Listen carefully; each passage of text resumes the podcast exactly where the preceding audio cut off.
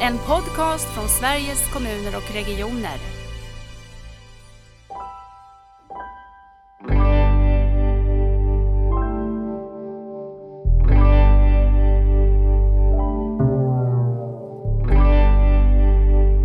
Och även det här att faktiskt lära känna oss som personer eh, eftersom det är ju det som väldigt mycket av samverkan med tillit handlar om. Att man ska kunna känna en tillit till, till de som är runt omkring en för att man ska våga att arbeta modigt med nya saker tillsammans.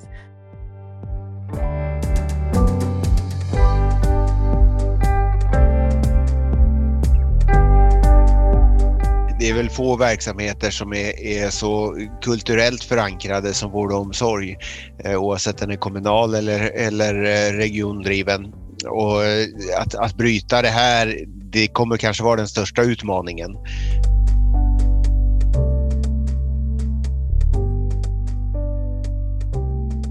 I, idag gästas Nära vårdpodden av två personer från två olika organisationer men som båda beskriver ett jättegott samarbete.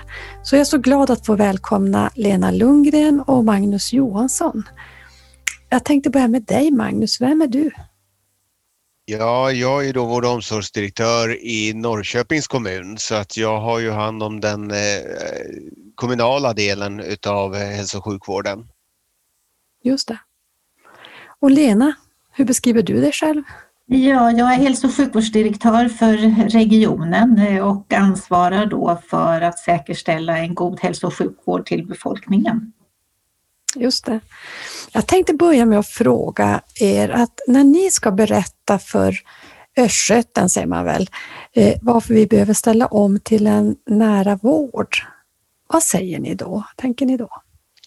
Ja, alltså vi vi försöker ju prata väldigt mycket om tillgänglighet. Vi pratar om närhet och närhet tycker jag lättast definieras via tillgänglighet, det vill säga du har ju olika behov av, av att definiera närhet eh, och det, därför måste det kunna vara individuellt. Så därför brukar jag välja tillgänglighet för det, det är ju där den enskilda patienten finns. Det är där man, tillgången på vård är den, den utifrån det, det behov och, och den situation man befinner sig i ska, ska vara så att säga tillgänglig. Just det. Så tillgänglighet blir egentligen ett lite vidare begrepp än det vi brukar tänka tider och köer, utan det blir någonting större? Ja, det kan vara så väldigt mycket. Det beror på vilken ålder du är, var du befinner dig i livet, vad du har för, för behov helt enkelt. Så det, det, måste få vara väldigt individuellt. Det är därför det är svårt att, att, att specifikt beskriva vad det kan vara. Mm. Och Lena, vad, vad säger ni? Vad säger du? Till Östgötan? Nej, men att det ska vara enkelt, tänker jag, för invånarna att få den hjälp man behöver. Att eh, Förr i tiden så hade vi ganska höga murar och trösklar för att kunna ta sig till vården. Vi pratade mycket om att patienten skulle komma in, som vi sa då på landstingstiden. Eh, och här handlar det ju väldigt mycket om att ha en, en, jag håller med Magnus om tillgänglighet, men också att det ska vara enkelt att få den hjälp man behöver där man bäst har nytta av den. Och att vi då behöver ha mycket mer flexibla lösningar. För det är inte lösningen att alltid komma in till vården som vi sa. Nej, just det. Jag tror att det där är jätteviktigt, det här att vi verkligen kan beskriva vad vi menar med den här omställningen till våra invånare. Att eh, det hjälper oss också att göra den, det hjälper oss få en kraft, eh, men också att jobba tillsammans med medarbetarna såklart. Eh, jag tänker att mycket fokus idag blir ju på ert samarbete. Hur skulle ni beskriva det här samarbetet mellan region och kommun ur ett nära vårdperspektiv och varför är det viktigt? Ja, jag har ju erfarenheten från andra län sedan tidigare och, och, vet ju att det kan variera ganska mycket. Och jag skulle vilja säga att vi har kommit väldigt långt i Östergötland redan, redan innan vi började närma oss nära vårdresonemangen. Vi har en ledningsgrupp för vård och omsorg som, som eh, representerar länets samtliga kommuner och eh, både beställare och utförare ur ett regionperspektiv där vi har alla eh, frågor i stort sett som, som eh, rör oss gemensamt uppe och eh, ibland för information, ibland för diskussion men, men eh, vi har en väldigt god samsyn i den här grupperingen och eh, det är ju en vad ska vi säga, ja, en, en, bra plattform att utgå ifrån. Mm. Och det har ju gjort vårt arbete med eh, den här omställningen lättare att initiera. Vilka finns i den grupperingen? Vad är det för, för befattningar eller för befattningshavare? Ja, från kommunernas sida så är, är, det ju socialchefer eller som hos mig då, alltså, är vård och omsorgsdirektör här hos oss. Då. Så det, det, kan vara, de större kommunerna har oftast två personer med medan i de mindre kommunerna är det oftast en person som har eh, samtliga poster så att säga som vi ja, större kommuner delar lite på. Just det. Vad tänker du Lena kring ert samarbete om du skulle beskriva det. det är väldigt roligt att vi har kommit så långt i det här samarbetet för att eh, när jag kom till Östergötland för 18 år sedan, eh, ett av de första mötena som jag var med på, och då hade jag inte så stor erfarenhet för, från hur det fungerade i Östergötland. Då var det väldigt mycket värmeutveckling på det mötet för att ingenting fungerade och alla var arga. Ja. Eh, och då var vi några stycken som träffades sen efter det och sa att så här kan vi ju faktiskt inte ha det och hur ska vi kunna bygga en bra struktur? Sen tog det några år att få till. Mm. Men det är viktigt tänker vi att alla aktörer träffas runt samma bord och att man har en gemensam agenda. Eh, så från regionens sida så är det ju vår, vår primärvård är representerad, eh, eh, våra, våra, närsjukvårds områden närsjukvårdsområden är representerade. Vi är representerade både från utförare och beställarsidan mm. för att kunna säkerställa att vi håller ihop hela vårt stora system.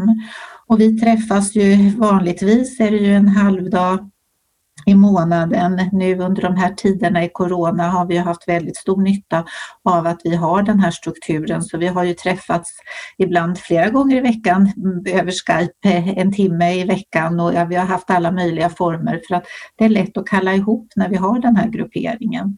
Och ovanpå det så har vi också en politisk samverkan som består då av alla kommunerna och eh, regionen för att ta ut den politiska riktlinjen där man jobbar med, ja, i början jobbade man väldigt mycket med kunskapande kring olika delar kring att växa upp mitt i livet och äldre.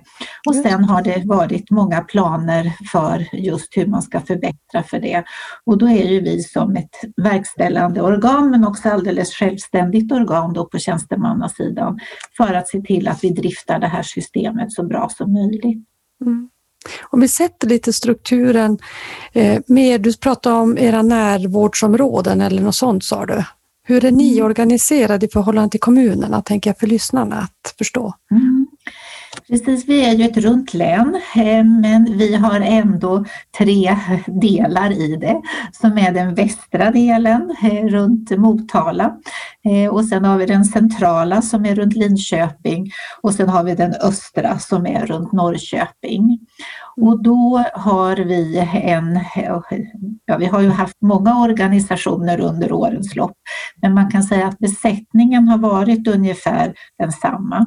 Nu har vi en enda produktionsenhet för all hälso och sjukvård eh, med vårddirektörer som leder den. Eh, och då finns det eh, ansvar för både närsjukvård i respektive område, det finns för primärvård, men sen också alla specialiserade områden inom vården. Mm. Är det lätt att hitta kopplingen till er i kommunen, tycker du Magnus? Då? Eh, Ja men det gör det tack vare att vi är uppbyggda på den här länsdelsstrukturen. Vi har, vi har ju tidigare tillbaka haft en väl, väldigt strukturerad eh, organisation även, även i, i länsdelsorganisationen där vi har haft eh, länsvisa möten som har varit underställda den, den lä, eh, länsövergripande organisationen så det har funnits en ganska stor struktur kring det här vilket har gjort att vi har kunnat ha haft eh, eh väldigt stor involvering eh, även på, på, ute ut i våra verksamheter kring, kring, frågor som vi på mm. länsnivå har beslutat. Nu har vi gått ifrån den här precis, eh, så vi är inne och prövar lite nytt nu med, med att vi har haft eh, specialistområden som vi har valt ut att, att jobba utifrån istället för, och nära vård är ju ett sådant område, digitalisering ett annat, eh, kompetensutveckling så, så jobbar vi mer utifrån fokusområden istället för eh, den länsvisa indelningen för vi tror att det, eller vi försöker pröva och se om det kan göra större skillnad. Just det, så du är lite inne på det. Jag ska just fråga, för att jag hör ju på er båda att den här samverkansstrukturen och ert sätt att arbeta ihop har ju fungerat under lång tid, men just hur ni tar er an den här omställningen till nära vård. Men ni har alltså egentligen ett fokus kring det, ett fokusområde. Berätta mer om det. Ja, men vi har en gruppering eh, med representanter då från den länsövergripande eh, ledningsgruppen för vård och omsorg som representerar både eh, stora och små kommuner och alla länsdelarna men också då de olika delarna inom regionen. Där vi, vi eh, nu som in, initialt har vi jobbat väldigt mycket med att försöka ta fram en, en gemensam målbild Mm. Jag skulle säga att läget med covid har ju bromsat lite i det här arbetet. Det fanns ju en, mål, en målbild om målbilden, att den skulle varit klar mm. avsevärt tidigare. Men, mm. men så som läget är nu så, så eh, jobbar vi Faktiskt imorgon kommer det föredras för, för eh, de, de eh, regionpolitiker och de, de eh, socialnämndsordföringar som, som eh, finns i ett, den övergripande nivån ovanför vår ledningsgrupp. För vi har också en politisk eh, nivå på länssamarbetet som, som imorgon kommer få den här utkastet till målbild föredragen för sig och, och för, för att få en förankring och diskussioner Eh, på den politiska nivån utifrån ja, Spännande. Mm. Ja, det... Vi hade ju faktiskt lite, lite tur där kan man säga för att Eh, emellan coronaintensiteten så hade vi ett litet fönster där vi hade planerat in ett lite större möte med, med oss alla berörda där vi kunde genomföra den här workshopen just för att se vad är det som är viktigt, vad behöver vi för strukturer för att kunna göra det här som vi ser att vi behöver och hur ser invånarens väg ut igenom våra system. Så att där hade vi lite tur. Oh, och vad spännande att se hur både den tas emot och få se den färdiga målbilden sen. Har ni mm. diskuterat tillsammans också varför, ni, varför det är viktigt med målbilden? Lagt kraft kring den? Ja, med tanke på att det här är väldigt, väldigt odefinierat vad nära vård är i praktiken så behöver vi någonstans vara ense om vart det är vi, vi ska försöka nå. Och vad, vad, ja, vi var ju inne på vad, vad, vad nära vård är för oss men mm jag tror att det, det beror alldeles på vem du frågar vad nära vård är och det, det är väl där vi känner att vi måste ha någon Sen får det inte vara låst med det, men vi måste ändå ha någon form av gemensam målbild att jobba emot när vi ska försöka lägga brickorna som ska ta oss fram till, till eh, den här omställningen som vi behöver göra. Mm.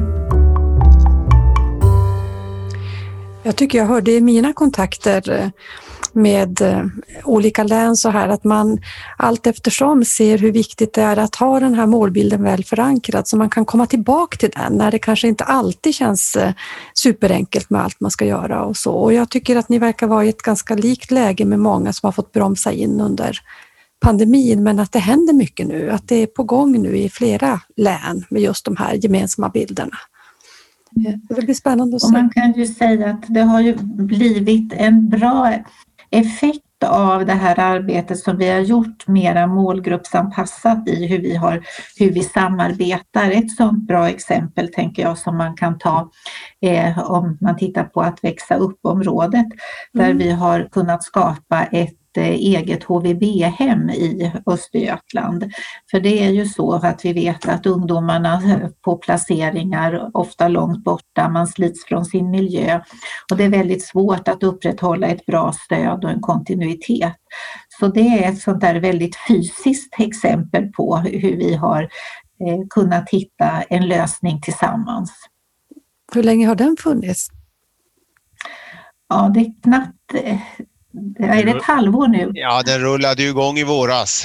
Mm. Eh, strax, strax före sommaren där någon gång. Ja. Mm.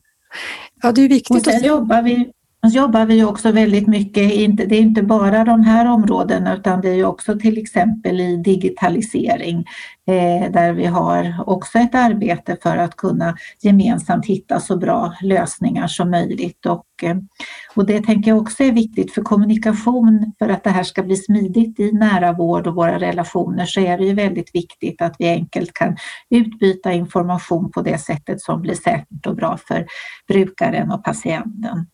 Ja, verkligen. Det är ju någon infrastrukturgrundförutsättning, tänker jag. Mm. är viktigt. Jag tycker det lät intressant med just att ni hade de här att växa upp mitt i livet och, och äldre. Berätta om någon mer, eh, något mer exempel på hur det kan forma sig den nära vården. Alltså, vi har ju ett väldigt konkret exempel som, som i och för sig eh, kom till innan vi, vi började med de här strukturen men, men det är ju att vi har en mobilröntgen på test här i den östra länsdelen där man kan åka ut till, till de särskilda boenden eller hem till, till den enskilda invånaren i Norrköping och eh, röntga en eh, misstänkt fraktur eller, eller mm. vad det, det är ju, vi pratar ju slätröntgen här så att mm. det, det eh, gör ju att vi inte eh, behöver, behöver transportera personer eh, i onödan som, som vi vet ju inte inte minst nu i de här tiderna vi är i nu, vilken risk man utsätts för när man kommer in till sjukhus. Vilket vi kan undvika om det, om det visar sig att det här inte finns behov av, av några eh, åtgärder inom slutenvården. Spännande. Hur kom, hur kom ni på den idén eller vad, hur har ni fått igång det arbetet? Det kom egentligen som ett förslag. Vi har en årlig resursfördelningskonferens när alla verksamheter kan lägga fram vad är det man ser om hörnet, eh, vad borde vi satsa medel på som hälso och sjukvårdsnämnden sen då har en gemensam eh, arbetsdag tillsammans med verksamhetsrepresentanter för att göra en prioritering av vad är viktigt. Och då hade man spanat eh, utomlands på hur det här skulle kunna fungera. Och tyckte att det här var ett bra exempel att testa. Mm. Eh, och eh, det är ju då ett pilot som sker hos Magnus då i östra länsdelen men som kommer att framöver bli någonting för hela Östergötland. Väldigt spännande att följa också för den nationella, med den nationella blicken och se om det här kan vara någonting för, för fler regioner att ta, ta vid. Mm. Mm. Vi tror ju rent generellt Ja, Kör du. vi, vi, vi tror ju också på det här att närma sig och, och göra så mycket gemensamt som möjligt. För vi, vi ser ju att väldigt mycket av utav hindren vi, vi upptäcker beror ju på okunskapen om varandra. Eh, och vi, vi har, har ett försök här att försöka få till gemensamma anställningar. Mm. Där, där man är halvtidsanställd inom regionen och halvtidsanställd i, i min kommun eh, på sjuksköterskenivå då, då, för att man ska kunna vara en brygga emellan och, och kunna eh, ha kunskap om båda delarna och föra dem framförallt fram och tillbaka. Vi, vi har stött på lite patrull här också. Eh, det är ju ofta så med nymodigheter och i det här fallet handlar det om pension och hur man löser ut det genom att ha en anställning eh, på två ställen. Det är väl där vi famlar just nu för att få till det rent praktiska men så fort vi har löst det så är tanken att vi ska, ska ha gemensamma sjuksköterskor helt enkelt som, som jobbar halvtid på regionen och halvtid inom kommunen. Otroligt spännande. Sen har vi ju stött på lite problem ibland eh, när vi har försökt att göra det här smarta inom digitalisering. Eh, så skulle vi eh, utöka samarbetet med, inte Magnus kommun, men med en annan kommun. Eftersom det är långa avstånd och då skulle man kunna ha mätinstrument hemma hos patienterna i boendena och rapportera Eh, det. Och då eh, så skulle man också kunna få konsulthjälp från sjukhuset i Norrköping eh, digitalt och det där fungerade bra från vissa håll men inte från andra och det felsökte så man förstod inte riktigt varför inte det där fungerade. Och då visade det sig att då var inte bredbandet tillräckligt utbyggt i den där delen av den kommunen för att det skulle funka. Så vi stöter på alla möjliga typer av hinder men som ju går att åtgärda. Egentligen, jag bara får en idé när jag sitter och lyssnar på er att det vore väldigt intressant att se just de här hindren eller dikena som ni egentligen forcerar. Jag tänker ni pratar om pensioner när man jobbar i dubbla anställningar, bredbandsutbyggnad, det kanske kommer någonting kring mobilröntgen. För dels att se att det går att lösa och, och kunna sprida de lösningarna, för de hindren kommer vi säkert att stöta på på andra ställen i Sverige också. Det här med delade anställningar tror jag är en sån sak där vi, eh, det kommer att finnas ett stort intresse. Absolut, och det, det, är, det är väl så att lagstiftningen inte alltid hänger med i utvecklingen eh, och det är väl viktigt att vi identifierar de här hindren som vi ser för att kunna eh, och kanske utmanar lagstiftningen lite för, för att kunna komma vidare. Mm. Jag tror det är nödvändigt för, för att driva utvecklingen mot, mot den målbild som vi strävar mot. Mm. Och där har det ju varit flera statliga utredningar som pekar mot möjliga lösningar så vi hoppas ju förstås att vi ska kunna få en lagstiftning som är modern och som följer individens behov. Mm. Eh, jag tänker ni sitter ju på eh, höga chefspositioner båda två. Eh, jag tänker på det här med styrning och ledning. Hur tänker ni att det påverkar styrningen och hur påverkar det? Vad behöver man ha för kraft i ledarskapet för att göra en sån här stor förflyttning som denna som är så mycket kultur och så mycket sitter i arbetssätt och relationer? Alltså den är ju enormt viktig. Det är väl få verksamheter som är, är så kulturellt förankrade som vård och omsorg eh, oavsett den är kommunal eller, eller eh, regiondriven. Och eh, att, att bryta det här, det kommer kanske vara den största utmaningen. Mm. Att, att skapa nya mönster, nya organisationsstrukturer och nya eh, huvudmannagränser helt enkelt. För jag tror att det är just det här med huvudmannagränserna och vems plånbok det är som är den stora utmaningen, åtminstone initialt. Mm. Och det är väl det man behöver överbrygga för, för att se vad, vad är den gemensamma målbilden och hur, hur eh, kan vi hitta vägar att nå det här utan att, utan att bygga för Alltså det, det är nästintill omöjligt att säga svart eller vitt var gränsen går. Eh, man, man måste vara lite mer pragmatisk och det, det är inte alltid så lätt i, i, verkligheten ute. Och vi vill ju skapa förutsättningar där, där det ska vara tydligt och, och lätt att, att eh, bedriva verksamheten utan att man fastnar i gränsdragningsfrågor. Nej. Eller att eh, vi blir uppföljda på gränsdragningen egentligen så att det hindrar också jobbet däremellan i mellanrummen. Jag vet inte. Ja men så är det och vi vet ju att vi har en framtid demografiskt som är, är ekonomiskt utmanande. Det gör ju inte den här omställningen lättare. Mm. Vad tänker du Lena, så lång erfarenhet som du har i, som högchef? Men jag tänker att eh, man behöver ha väldigt många goda medarbetare och man måste vara bra på att lyssna. Eh, för det finns väldigt mycket att ta vara på och det man kan bidra med det är ju lite mod för att sätta en del av de här processerna igång. Och också möjligheten som man har då att kunna bygga strukturer. För jag tänker att det var mycket mod hos alla oss som var ledare när vi satte de här strukturerna för den samverkan vi har idag. Mm. Att våga eh, committa sig till att nu ska vi göra det här tillsammans och vi ska se till att vi har alla de här frågorna på bordet och vi ska samverka. Det, från det tidigare förhandlandet så skulle vi gå till en samverkan. Och att våga det, det tänker jag är en viktig ledarskapsdel att eh, göra det. För vågar inte vi, då kommer inte våra eh, kollegor att eh, kunna göra det heller. För man måste verkligen ha ledningens stöd. Mm. Och man måste också kunna misslyckas eh, och lära sig av det. Det tänker jag är, är viktiga egenskaper. Mm. Jag tänker också att vi har väldigt mycket lärdomar att ta av den här perioden med covid. För vi kan ju se att under den perioden har vi inte haft några gränsdragningsproblematiker. Vi har haft en väldigt tydlig målbild vad vi har jobbat emot. Vi har haft vår, vår fiende covid och den har vi enats i, kring eller mot eh, med, med, gemensamma krafter på, på, ett sätt som vi inte gör i det normala. Så jag tänker att vi måste också ta med oss de erfarenheterna som vi faktiskt har, har, skapat under det här sista eller dryga halvåret eller året, eh, knappa året eh, som, som, vi har, har, drabbats av den här eh, pandemin eh, och, och, fundera över vad, vad, kan vi ta för lärdomar av det här i arbetet framåt? För det har gjort skillnad verkligen. Mm.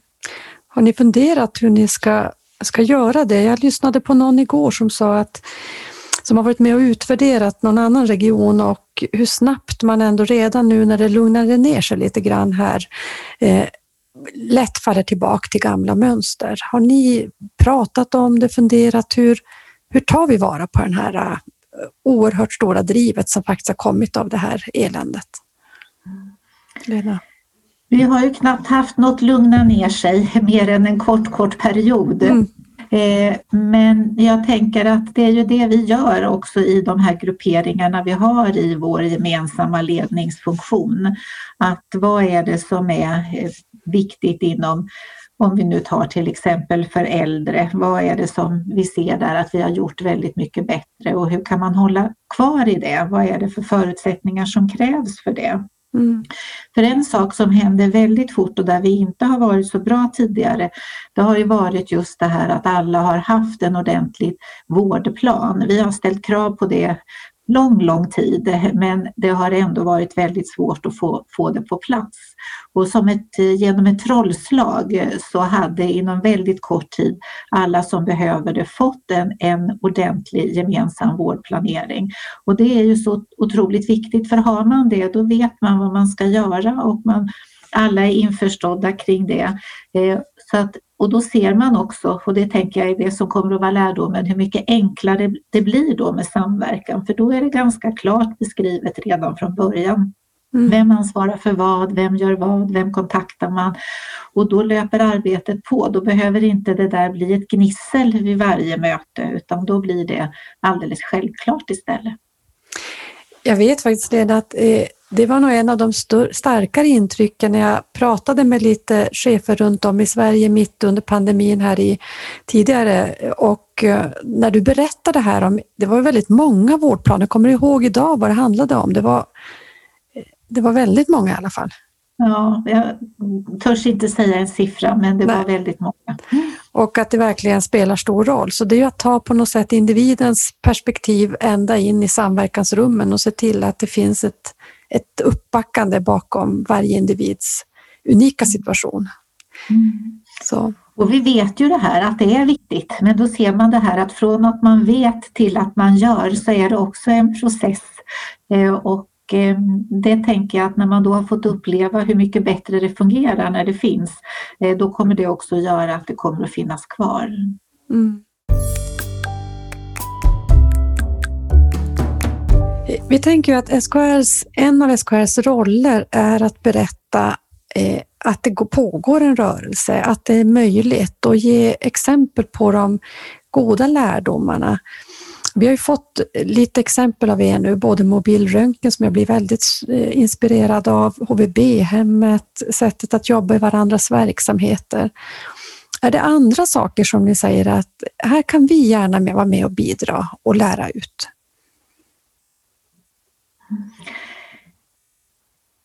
Kanske inte så många saker som är bara eh, relaterade till den här perioden men, men mycket andra satsningar som vi har gjort tillsammans under årens lopp som har visat sig vara bra när vi samlar våra resurser eh, istället för att arbeta på varsitt ställe.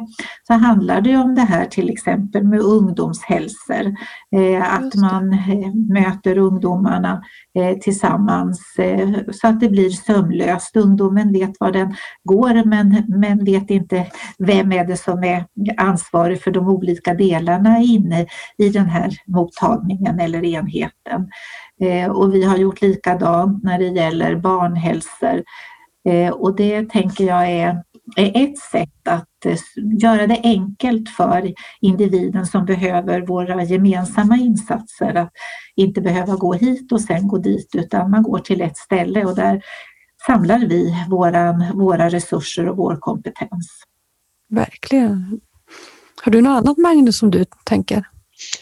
Nej, det är, inte direkt så konkret. Jag, jag, tänker att just den här plattformen och den här dialogen vi har, det är väl det som egentligen är det som, som skapar grund för den här omställningen. Mm.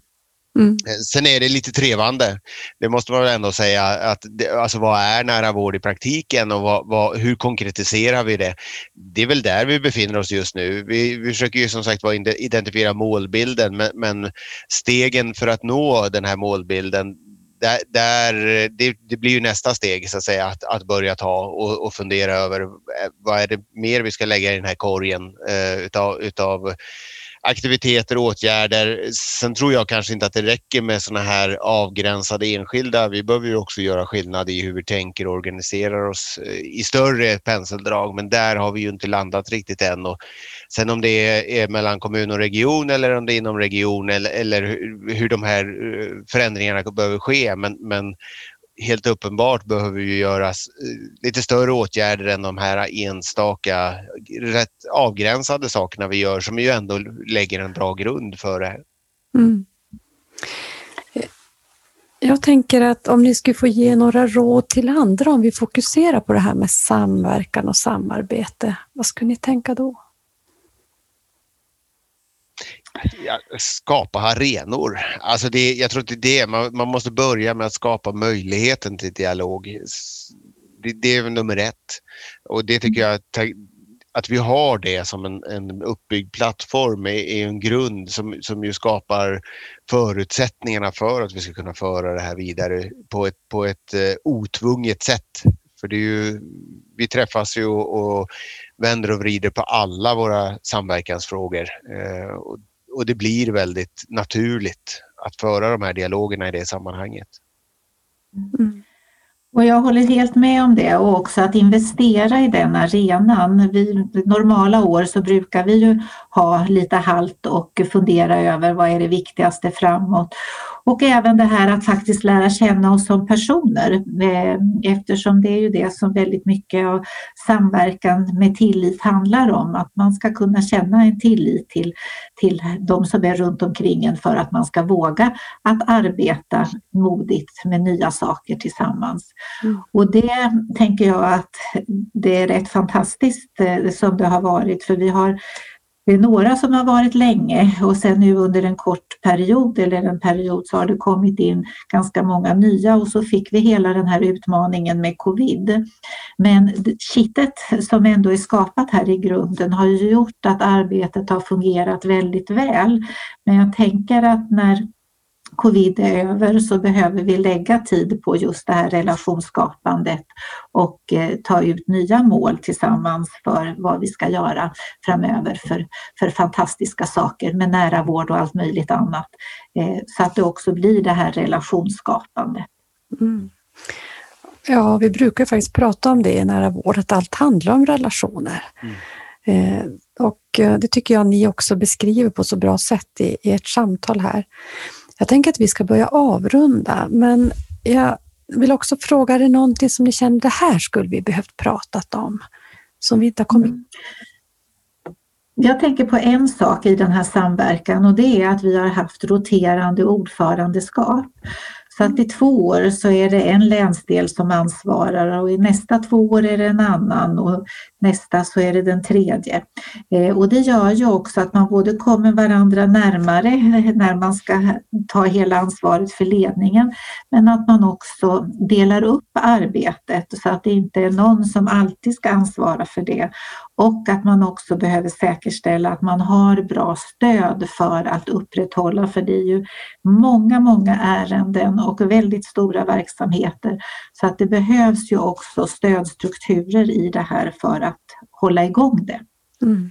Ja, det vi ska väl särskilt lyfta fram vår länssamordnare och, och, och vår, vår eh, administration som är kopplad till det här. För det är klart, det, det är väldigt mycket frågor, precis som du säger Lena. Det, det, handlar ju om prioriteringar också för att de här mötena ska vara möjliga att genomföra på det här smidiga sätt som vi gör. Inte minst nu när vi gör dem digitalt. Så att det, det att, att, ha kompetenta medarbetare som leder oss i det här, den här arbetet framåt, det är otroligt viktigt för, för eh, processen. Mm. Ja, det, låt klo det, det lät klokt måste jag säga. Jag tänkte vi ska avsluta lite där vi börjar och eh, jag ställer frågan som jag brukar göra, vad är nära för dig? Ni får ta bollen, någon av er. Jag, jag tänker att nära är så väldigt olika. Eh, och, och jag, som jag inledde med, alltså tillgänglighet. Nära kan vara fysiskt, nära kan vara digitalt, nära kan vara eh, i hemmet eller nära kan ibland vara på, inom slutenvården. man måste bedöma det här utifrån den situation och de behov man har just då. Så jag, jag tror att det är väldigt viktigt att inte sätta nära i ett fack utan att det, det faktiskt är någonting som man kan anpassa efter situation och behov. Mm. Och jag tänker att nära är enkelt för individen som behöver insatserna. Att eh, eh, det ska vara enkelt att vända sig eller få det stöd och det ska kunna vara koordinerade insatser när det behövs eller enskilda insatser när det behövs. Eh, för det är just det här utifrån individens perspektiv att det ska vara enkelt. Tack så jättemycket för ett inspirerande samtal och stort lycka till! Tack ska du ha. Så mycket.